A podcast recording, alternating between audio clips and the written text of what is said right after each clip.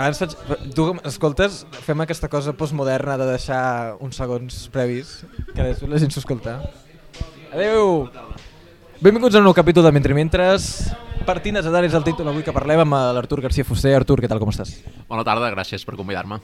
Estem aquí a un bar enmig de, al costat de l'Hospital Clínic. Eh, T'he citat perquè Joan Montaner ens va fer arribar aquest partint de Zadar.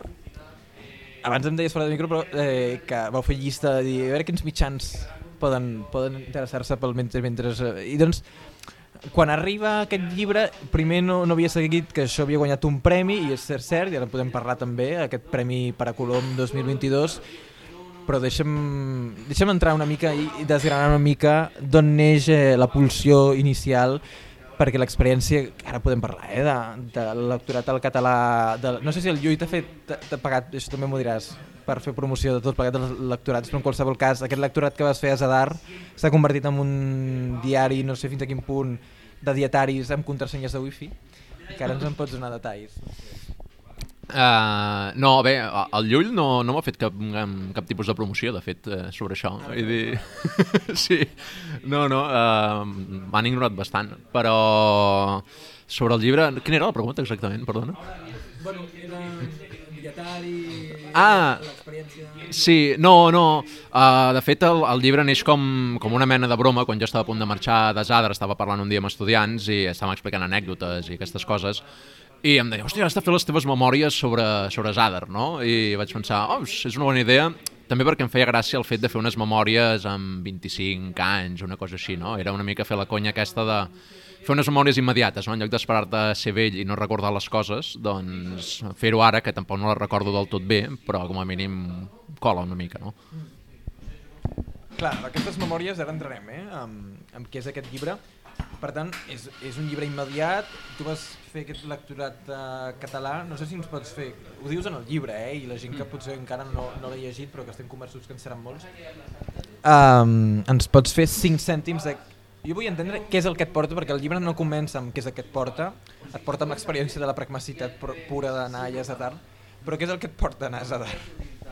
Em porten a Zadar que, bé, en un moment determinat eh, surten les ofertes que surten cada any. Jo estic acabant el màster de professor secundària. Jo estava ja molt encarat un cop havia fet el màster, la carrera, a fer això, a fer de professor, que és el que faig ara. Però surt l'oportunitat de presentar-me això, m'hi presento sense gaires expectatives, però em trobo amb un responsable acadèmic de, de Croàcia, no? el Nicola, que és un dels protagonistes del llibre, que li fa molta gràcia la meva carta de presentació, li fa molta gràcia el meu currículum eh, i decideix que m'entrevistarà, encara que hi hagi molts candidats, m'entrevista a mi, li faig gràcia i se'm queda. I em diu, doncs mira, si vols la plaça és teva. I me'n vaig cap a Zada sense saber-ne gaire cosa, i llavors m'hi quedo 3 anys. Sí, de, sobre el croat, sobre no, no, no en sabia res, res de res. Vaig aprendre'n quan era allà una mica, però, però no, no, recordo dies abans, els- les setmanes abans de marxar, fent-me llistes de, de paraules o expressions, no? això de Croatian for Dummies, no? una cosa per l'estil de dir, val, quatre frases per arribar i no, no fer gaire el ridícul. Però igualment on vaig aprendre en va ser vull dir, no... no sabia. parles del lectorat i doncs ara has, o sigui, ara has iniciat un gènere literari que si tu que ets, no, tu que ets eh, crític literari justament no? el, el Borja Bacunyà va dir que havia iniciat el gènere literari dels nebots de la literatura de nebots després de Wittgenstein bé, després em vaig trobar l'altre, el nebot de Ramó Wittgenstein i Borja Bacunyà i doncs ara comences tu amb els lectorats de català no consta, a mi no em consta cap altre com a mínim hi havia coses similars Sí, fa, fa uns anys vam sortir a, a Godall Edicions, van sortir uns llibres d'experiències, però eren llibres col·lectius. Va editar un llibre col·lectiu, però eren referències a, al lectorat, és a dir, a la feina. I, de fet, jo, que és, és la broma també del llibre, que és que en realitat jo de la feina en parlo molt poc, perquè un cop arribo allà, jo la feina la faig, eh? vull dir, fas les classes i tot plegat, però crec que si et llegeixes el llibre es nota que a mi el que m'interessa són altres coses, és que no pas les, les classes de català. I doncs, amb l'elaboració d'aquest llibre, hi ha aquest punt d'ironia que jo també et detecto quan et llegeixo la lectora, que això ara ho comentàvem fora de micro, que això serà interessant que hi incidim. Perquè mm, estilísticament hi ha aquesta cosa, que jo et vull dir si és una cosa com més del pastitx, però el pastitx, eh, tu dius, eh, com vols dir això? Perquè jo ja t'he dit abans fora de micro que se me'n van, eh? però a tu et diuen que ets un... No, Cayetano no, quin és? Eh, Charnego. Ah. A tu el Nicola et diu, ets un xarnego, i tu dius, ah, però si això és antic. Doncs no sé si fins a quin punt això que et digui que el llibre té un punt de pastitx també et sonarà antic. De pastitx antic. Sí, no, no, però no, no em sembla estrany, perquè jo mateix quan vaig començar el llibre eh, doncs pensava això, no? Faré unes memòries, però a mesura que l'anava escrivint se'n barrejaven coses que ja tenia escrites de Zadra, coses que feia retrospectivament ja escrites, gran part del llibre està reescrit després o escrit directament a Barcelona. I jo mateix anava, me n'adonava que a mesura que l'anava escrivint doncs tenia capítols que em sortien més tipus conte, hi havia capítols que em sortien dietaris, hi havia capítols que em sortien més memorialístics, i quedava una mena de llibre estrany que jo mateix al final no sabia com definir, és a dir, jo el defineixo com unes memòries, però sí que entenc que un cop els comença a llegir mm, és una cosa una mica estranya. Sí, sí, pot ser un pastitx perfectament. Jo et juro que avorrit no ho és. Ara, apreta i corre i agafa't perquè déu nhi primer l'interès i, el, i el joc que generes mm, capítol per capítol, no? Um, I no feia broma amb lo de la contrasenya del wifi, vull dir, ja és això, no?, aquí. I no sé fins a quin punt eh, buscar-li una sistematització, buscar-li una amplificació d'un joc que se m'escapa, i en aquest cas també seria interessant, si ara deies no, que doncs un va cap més cap al conte o el que sigui, però hi havia com un interès general així, digue-li picantó, digue-li que anava a subratllar, i el que no sé és, de... i això sóc jo, eh, que potser sóc curtet, però que no sé d'on et ve o cap a on va i quina és l'hora de la gràcia, perquè potser aquí m'estàs dient, no, perquè això era un reflex de la Gina Llàzar, o, o aquí era una cosa de, molt sagarriana, no sé què, i, hòstia, no sé. No, són diverses coses. Um, D'entrada sí que és un, un llibre que jo l'he concebut, això, capítol a capítol. Per tant, cada cop que em posava a escriure un capítol tenia uns referents concrets que eren diferents a dins del cap. És a dir, tenia alguns models generals de, de llibres que jo tenia de memòries, que volia, diguem-ne, emular o que eren models per mi, i després per altres capítols en concrets, depenent de la història que volgués explicar en aquell capítol, tenia al cap altres referents o models d'escriptors que, o contes o relats que, que a mi m'interessaven concretament. Després, lògicament, tot el conte, doncs, clar, està travessat, de, vull dir, és un conte escrit des d'això de memòries, per tant, està travessat pel meu caràcter. Soc jo, no vull dissimular en cap moment que sóc jo el protagonista. No el protagonista, de fet, sóc jo el narrador, perquè el protagonista, jo protagonitzo molt poques coses aquí, vull dir, crec, no? En realitat, jo simplement observo què és el que m'agrada i veure, i veure què fa la gent, no? que és el que m'interessava. El noi napolità és, a, és el millor capítol? Altra gent m'ho ha dit, eh? però altres ah. no... Sí, sí, hi ha, hi ha diversitat d'opinions eh, entre... Això en funció de la relació que tens tu com a lector amb els napolitans. Probablement. Segurament aquí hi ha, hi ha una influència... A mi m'ha agradat molt pel joc, eh? I, I he de dir que m'ha semblat fascinant i també, ja et deia, per no trencar l'espoiler i que potser hi ha gent que s'agafarà més a, a, les, a les coses més ja d'aproximació antropològica, que després hi entrem, eh? perquè també jo crec que el llibre dispara molt cap allà. I aquí sí que podem entrar amb el, amb el cas del napolità perquè justament fas un joc eh, d'esperances que ja ens coneixem tots en aquest món i justament amb les esperances ens fem més mal i sobretot si parlem de la qüestió catalana i m'ha fet molta gràcia algunes coses que justament dius ah, ara està parlant del país o parla del que sigui i en el cas del, del nano napolità bueno, acabes veient que partint de Zadar sí podia ser una crònica política de certes coses, de la dimensió. És que jo me'l vaig començar llegint potser per això i per, potser d'aquí també l'admiració la, del llibre, que acaba sent un retrat de, de la pubertat i, i, i de, del sexe i de la barrueria i dels bars i de les noies que us voleu lligar i de... És una cosa de suburbi sense ser suburbi, és una cosa de sagarra que queda com a mig cas però que no. Això no, en aquest capítol concret, que encara que no pugui semblar, és un dels capítols més verídics, eh, tots els capítols són verídics, eh, però, però aquest pràcticament és allò que vas, que has de dir, bé, aquí exagero certes coses. I, i no, en aquest capítol vull dir, no n'exagero res. Eh, el que jo em vaig trobar és que jo venia d'un context d'amistats que no estava gaire acostumat tampoc a, a un ambient molt masculí, havia fet filologia catalana, per tant portava molts anys envoltat de, uh, envoltat de noies i estava acostumat a, doncs això, no? sortir amb noies, no, no té tampoc res d'especial. Uh, I quan vaig arribar a Sant vaig trobar de cop un ambient molt masculí, amb el lector de gallec, no? el company, el lector d'espanyol, i aquest col·lega napolità que venia a passar una nit i em vaig trobar una cosa que jo no, no m'havia trobat mai, que era anem a sortir de festa per anar a lligar, que és un concepte que jo no, no havia fet mai expressament, de dir avui sortirem per intentar lligar. Uh, I llavors aquesta conya, jo, perquè jo m'ho prenia com, òbviament a mi no em sortirà bé això, perquè és una cosa que no he fet mai, um, però ells estaven convençuts que sí. Uh, bé, no, és això, no farem ara l'espoiler, no? Però però la, la gràcia era aquesta, mirar-s'ho no? una mica com des de fora. Bé, jo sóc, no, participo, però jo sempre m'ho intento mirar una mica irònicament perquè... No, però a fan les preguntes aquestes, no?, de literatura juvenil. Tina Vallès, on ets? Justament, justament pensava que hi ha aquests moments que dius home, això podria ser perfectament literatura juvenil en el, en el sentit pur, no? però, però un llibre...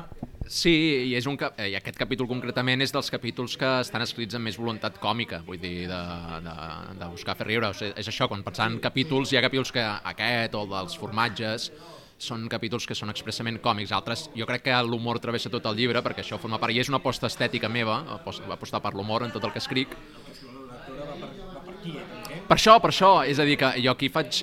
Eh, no, no, no considerem fan terrible, no, és, és simplement que cadascú té l'interès o intenta buscar les coses en les quals pot destacar o pot ser diferent. La Maria Montaner, quan, quan... És que això li vaig preguntar també al Corno, deia, quan són premis, això també m'interessa. La Maria Montaner després, m'imagino, fa la tasca d'editora i després no sé fins a quin punt negocieu què del llibre. No, en, en aquest cas el, el llibre s'envia al premi, aleshores jo tenia, el llibre original tenia bastants més capítols que incluïen incluïen també viatges, això és una cosa que tinc llavors guardada, ja veurem què en faig. Però quan ho envio el premi, el premi ha de tenir una, una llargària concreta, no? uns quant nombre de, de caràcters, de pàgines. Aleshores, amb al final acabo enviant al, al concurs aquest llibre que és centrant només en capítols sobre Zadar, perquè també tenia això, coses de viatges, pels Balcans i tot plegat. I jo ho envio sense saber com quedarà, perquè en realitat la meva imatge del que havia de ser el llibre era una cosa més àmplia. I quan em comuniquen que he guanyat el premi, parlo aquell mateix dia amb la Maria i em diu, no, no, hosti, és que el llibre funciona molt bé així, perquè jo li dic, mm, no es podria això, no?, negociar, d'ampliar alguna cosa, no?, perquè tinc algun capítol que a mi em faria gràcia. I diu, no, no, diu, ara torna-te l'ha llegit, no?, un altre cop, com l'he llegit jo, com se l'ha llegit el jurat, i veuràs que ja et funciona sol així. I, i sí, sí, vaig tornar a fer un cop d'ull, no? un cop sencer, i vaig dir, sí, és veritat, és, eh, acaba sent un llibre molt centrat en, en la ciutat, no? el poble, la ciutat de Zadar, i, i que ja funciona per, no? pel seu compte.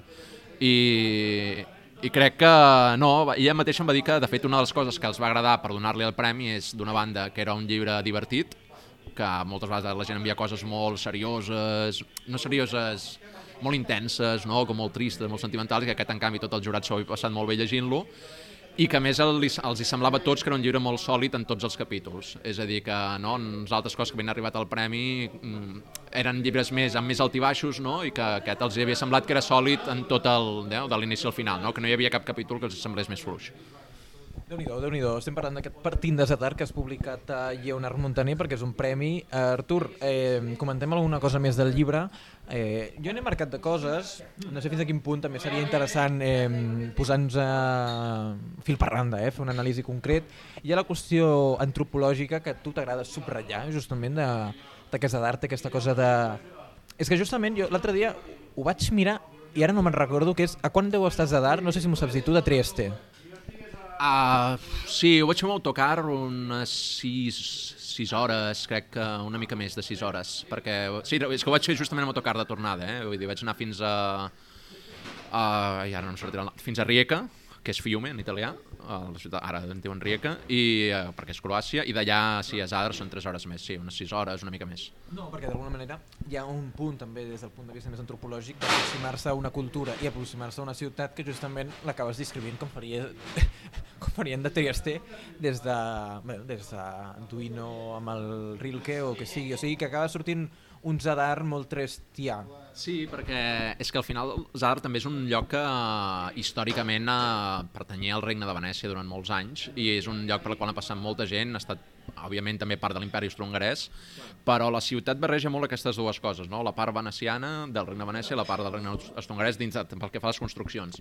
I el que a mi em semblava que va ser diferent, perquè clar, jo vinc, soc aquí de Barcelona, aleshores és mitja, en una ciutat, no? En canvi, l'anar a viure allà en un lloc que quan vius a dins de la península, no? que és el que escric, som 2.000 persones, eh, que ens veiem tots cada dia els mateixos, no? treballes dins la mateixa universitat, no és de sortida dins d'aquelles muralles, doncs al final coneixes pràcticament tothom, ni que sigui com jo, que tot i no parlar d'idioma, però de vista, de veure't cada dia, doncs ells ja sabien qui era jo, encara que parlés poc, no? perquè sabien que era el professor de català de la universitat, i llavors hi ha els bars, que era la cosa que a mi més em va fascinar, no? vull dir, el, cada bar que hi ha, no? que puguis passar d'un bar a l'altre, com comendo, i els cambrers...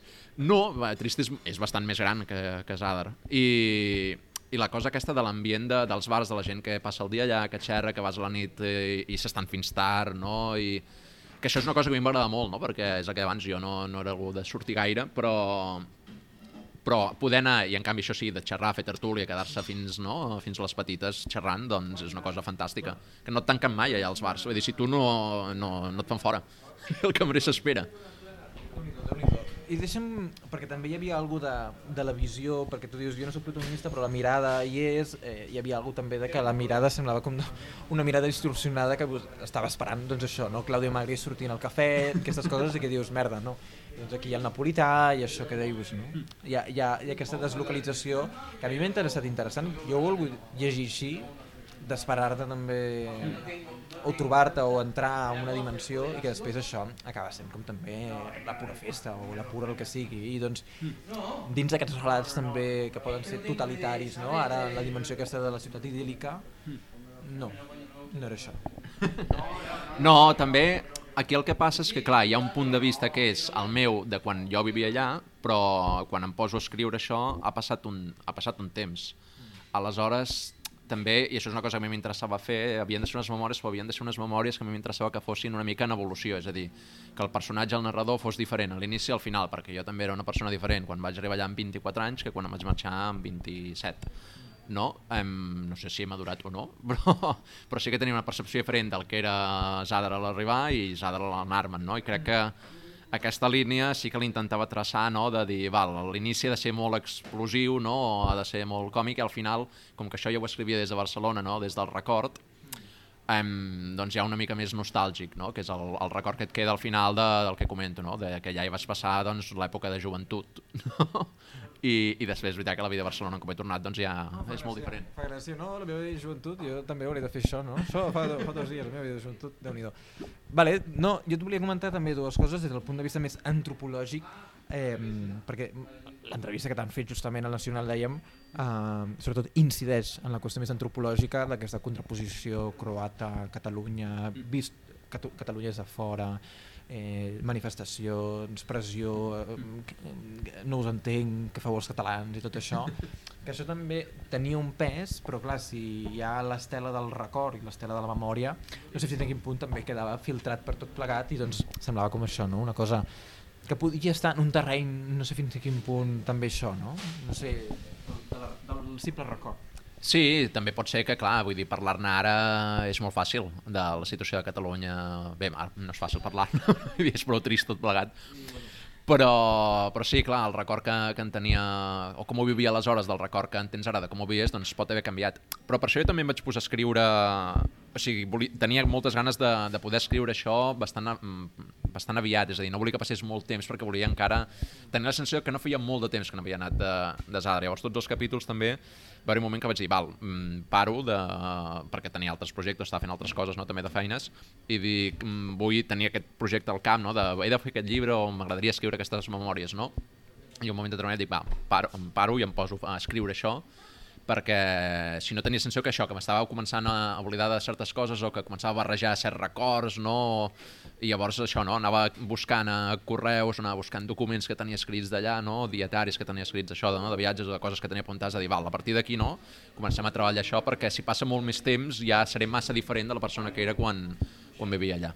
Justament en aquesta entrevista del Nacional justament hi havia aquesta, aquesta anàlisi també, eh, de, des d'aquesta dimensió, no? que entrau també en la dimensió de tensió Catalunya, colonialisme, tot plegat, i doncs això es veia des d'un punt de vista particular amb el que els personatges també et feien anar bé, no? a, a, a veure certes imatges. Això m'ha semblat interessant perquè en alguns punts, i no sé si és perquè ara tinc alguns records borrosos, però no, no hi hem vist d'alguna manera la contradicció que pot suposar amb l'alumne que està aprenent català, que d'entrada per mi ja és la contradicció ontològica, per dir-ho així.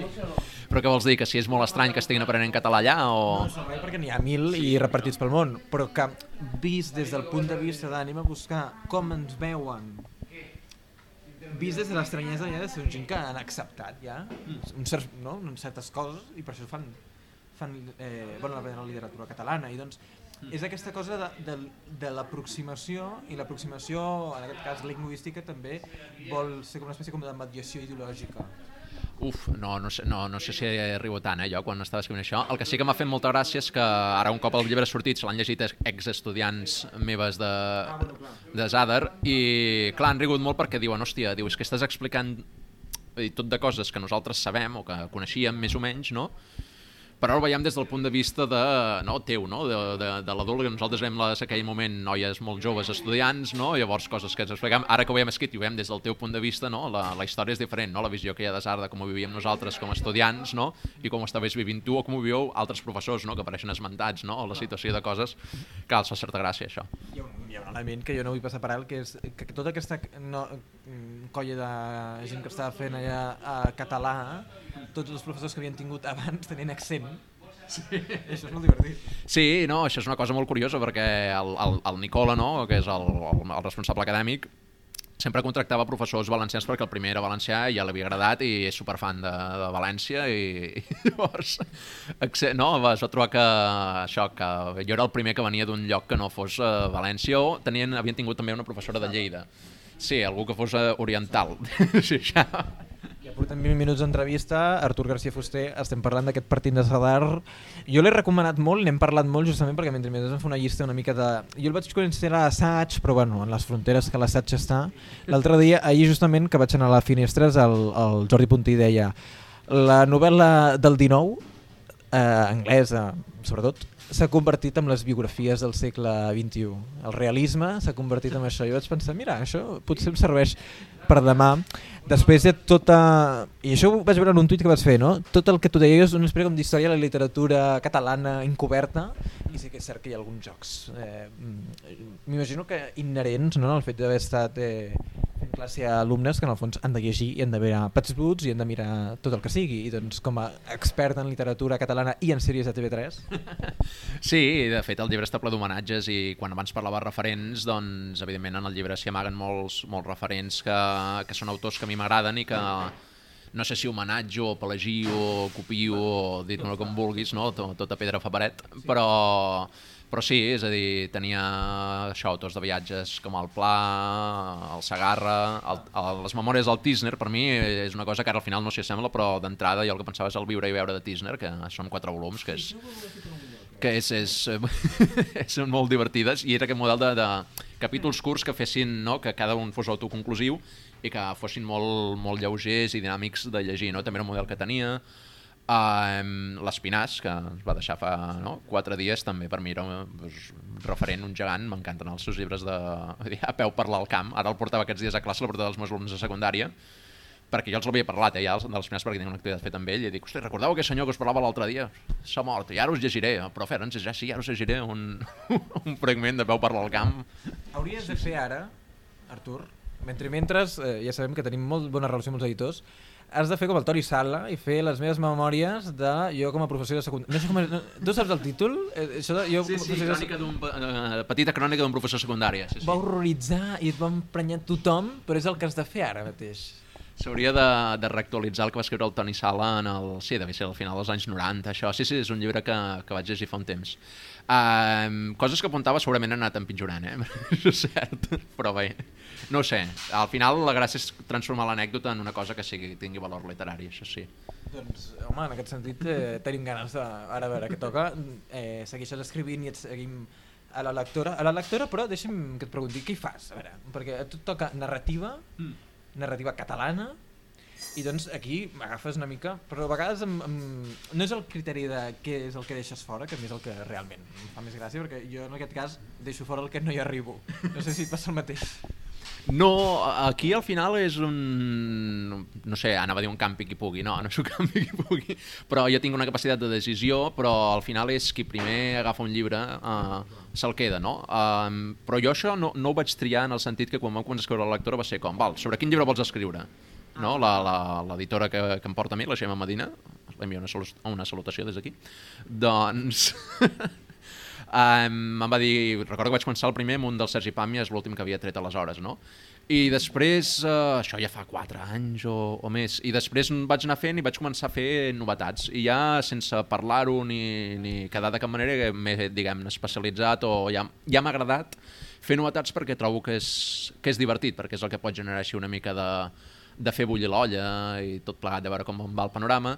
Així t'arriben també llibres a casa sense haver-los de pagar, que dèiem abans sí. que això és molt pràctic i no cal tampoc anar-los a buscar. I bàsicament jo moltes vegades el que faig és proposar, si veig que hi ha alguna novetat que m'interessa, doncs li proposo a la Gemma, escolta, aquest llibre, perquè m'interessa l'autor, l'autora, el que sigui, eh, m'interessa, pot ser, i la majoria de vegades em diu que sí, però altres vegades em diu no, perquè aquest ja l'ha demanat te l'altre, o aquest el fa te l'editor, aleshores no. O algunes vegades algun llibre diu, l'havia fet tal, però aquest no el pot, el podries fer tu, i, i el faig jo. Ara no fa gaire un, vaig fer una novel·la que em van dir no l'havia fer un altre redactor però li va semblar tan dolenta que no la vol escriure. Vols ser tu la... Ah, tu toca... I jo vaig dir, ah, sí, doncs fem-lo. Eh, no. Sí, fora de micròfon. Deixa'm que abans d'acabar eh, el programa et pregunti, et volia fer un parell de preguntes abans per tancar. Eh, ara després em pregunt, et preguntaré per què tens un llibre italiano per aquí. Sí, però... Això també després t'ho preguntaré. Què dius? Sí, sí. No, no, però això és... Ah, anava a dir perquè te'ns apropo el micròfon, eh? No, no, la família política és italiana. Ah, ja tens un llibre? Què? No, home, no. Vale, no, vull dir, dir, deixa, és per practicar l'idioma, és per practicar l'idioma i cada dia quan, quan anem Quan de, de visita. política. Ah, déu-n'hi-do, déu nhi déu Doncs escolta'm, Artur, moltíssimes gràcies avui per, per venir mentre i mentres, gràcies també això per comentar-nos. Uh, no, jo et volia preguntar si ets el nou... mm, La, no, és que, veus, és que això, com es pregunta? Espera't, deixa'm que ho pensi. No, no és que no... És, és per no ferir sensibilitats. Eh, tu has de pensar que en literatura catalana qui parla? El Guillamón. I el Guillamón és el que reparteix, que reparteix carnets. No sé si això també fa com gràcia, no? Reparteix carnets del que és bo, del que no és bo. O... Sí, però... Bé, a mi, clar, jo fa 4 anys que estic publicant cada mes una, una crítica sobre una novetat en català. I realment tinc la sensació que és com escriure en el buit, però... I això que, bé, jo només tinc una xarxa social que és Twitter i, i tampoc no, no hi soc gaire actiu, eh? Jo faig expressament de no, perquè si entres a discutir coses per Twitter estaries tot el dia allà Sí. enganxat i, i procuro no, no estar-ho perquè si no no acabaries mai però jo no tinc la sensació que res del que escrigui tingui cap mena d'influència, tot i que després altra gent per privat et diu ah, sí que s'han llegit i sí que comenten no sé què, però com que quan faig una ressenya jo no rebo gairebé retuits ni, ni m'agrades, ni coses d'aquestes, jo sempre tinc la sensació que no s'ho llegeix ningú, però després el lector em diu sí, sí, sí que te visita, sí que, ah, sí que tal ens ha dit tal. I, però no sé, no, no tinc la sensació de tenir gaire reconeixement. Jo, el que a banda del Guillamón, l'altre autor que, de crítica que sí que crec que ha reconegut és el Pons Puigdevall però vaja, és complicat tot plegat això perquè no saps ben bé, tot és com sempre per darrere, no? Això que dèiem, ah, això ja ho direm fora de micro. Aleshores, si vius... Ah, bueno, no, perquè jo no sé quina novel·la parles. Perquè... Sí, A veure, jo en literatura catalana... Clar, mentre mentre com el 80% són morts, i doncs entrevistes al traductor, l'editor, el que sigui, i doncs em costa fer vius, però em costa fer vius perquè com ara, no sé si ho has vist pel carrer, que m'han dit que l'Albert Serra té un cartellet citant a Goethe. Tu has vist això? No, no, no. Que diu, jo no llegeixo els meus contemporanis, jo només llegeixo clàssics. Home, jo a vegades tinc el problema que m'agradaria llegir altres coses, però em toca llegir, no, per tema de la lectora, autors contemporanis, que jo procuro fer-ho bé, que em sembla que una cosa lògica, que és que si em toca llegir un autor, procuro llegir-me les altres coses que ha fet l'autor abans de llegir-me la seva notat, si no ho he fet, no, abans, no? Um, però es veu que altra gent no fa això, però vaja, a mi em sembla de lògica. Però perquè és un món pre molt precaritzat, jo començo a empatitzar amb els periodistes. Sí, jo però- no ho feia abans i ara ho faig.